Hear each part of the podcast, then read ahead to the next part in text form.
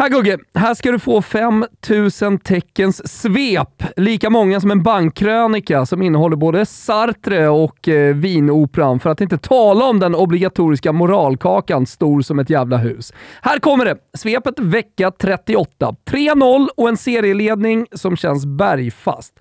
Ja, vi kastar oss rätt in i händelserna. Jag pratar såklart om The Gunners, jag pratar om eh, Arteta, om gubbarna som hittar varandra i sömnen och som verkar trivas så bra tillsammans.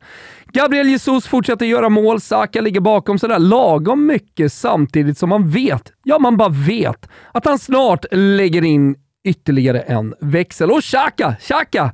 Graniten som balanserar upp allt. Och vad ska vi säga om unge herr Saliba från OM idag? Vi kan väl bara konstatera att Arsenal ska vara med i år och göra stora grejer. Och på tal om stort, Soninho är tillbaka och det med besked i en match som länge kändes lite lurig för Spurs hemma mot Leicester, men som alltså sydkoreanen såg till att döda. En halvtimme, ett hattrick som stinker en stor period som kommer. Kul!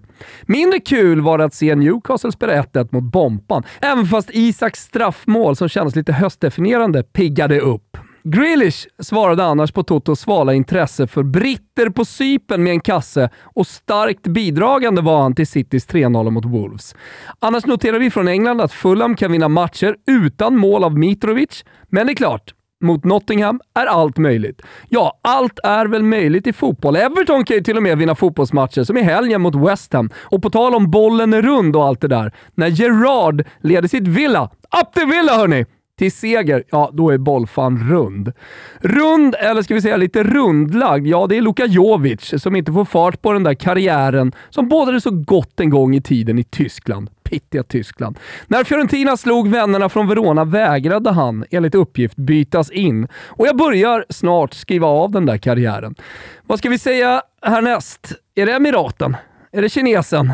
Eller tillbaka till Deutschland? Pittiga Deutschland. Eller vänta! Jag har det.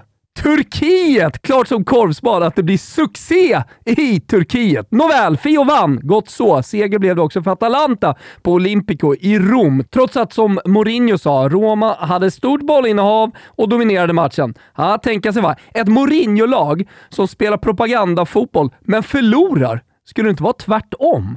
Il contrario om ni så vill, kan vi beskriva Lazios vecka med. Fullständig genomklappning i Europa mangling av Cremonese i Cremona på söndagen. Firma Immobile Milinkovic Savic är glödhet. Vilket lag ändå va? Lazio, vilket lag.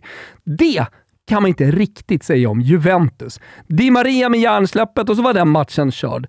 Den mot Monza. Berlusca, han öser inte bara på i politiken utan även med fotbollen igen. Italiens egna Benjamin Button bara kör och jag hyser väldigt starka känslor till den danska bomben Gytkjær. 32 bast, kung i Serie B och nu bödel i Serie A. Vad som händer med kadavret från Turin nu har jag ingen aning om. Keneso io.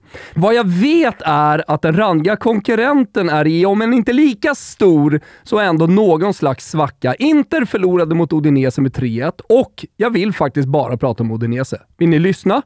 Tveksamt. 16 poäng i alla fall på sju matcher är mäktigt. Ruskigt mäktigt. Vi gratulerar också Lecce till första segern för säsongen och brassen Gabriel Strefezza blev stor hjälte på Areki mot Salernitana. Big win! Och big win även för sassarna borta på Olympico. Turins Olympico alltså. Nej, vi lämnar Italien med att konstatera att Sampdoria kommer få kriga för att ens nå tvåsiffrigt antal poäng om det ska se ut som det gjorde borta mot Spezia och att Bologna nog gjorde fel i att sparka Mihailovic.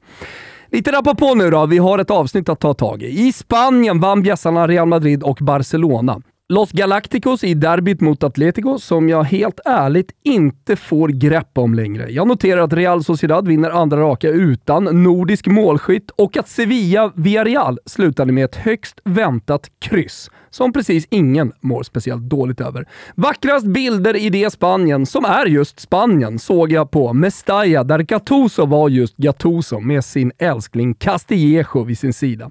Kramar med supportrar och kärlekskänslor mellan spanskt och italienskt. Sånt berör mig. Det är precis sånt som berör mig. Vi avslutar i Tyskland. Ja, vi avslutar faktiskt i Tyskland. Där Un Union Berlin, jag kan inte bestämma mig för om de är Union Berlin eller Union Berlin. Jag vet ju att de är Union Berlin. Eh, verkar ha hittat världens bästa tränare i Urs Fischer. Ny seger i helgen samtidigt som Bayern München förlorade i regionsderbyt mot Arg Augsburg. Ni vet Tysklands Firenze. Eller det visste ni inte?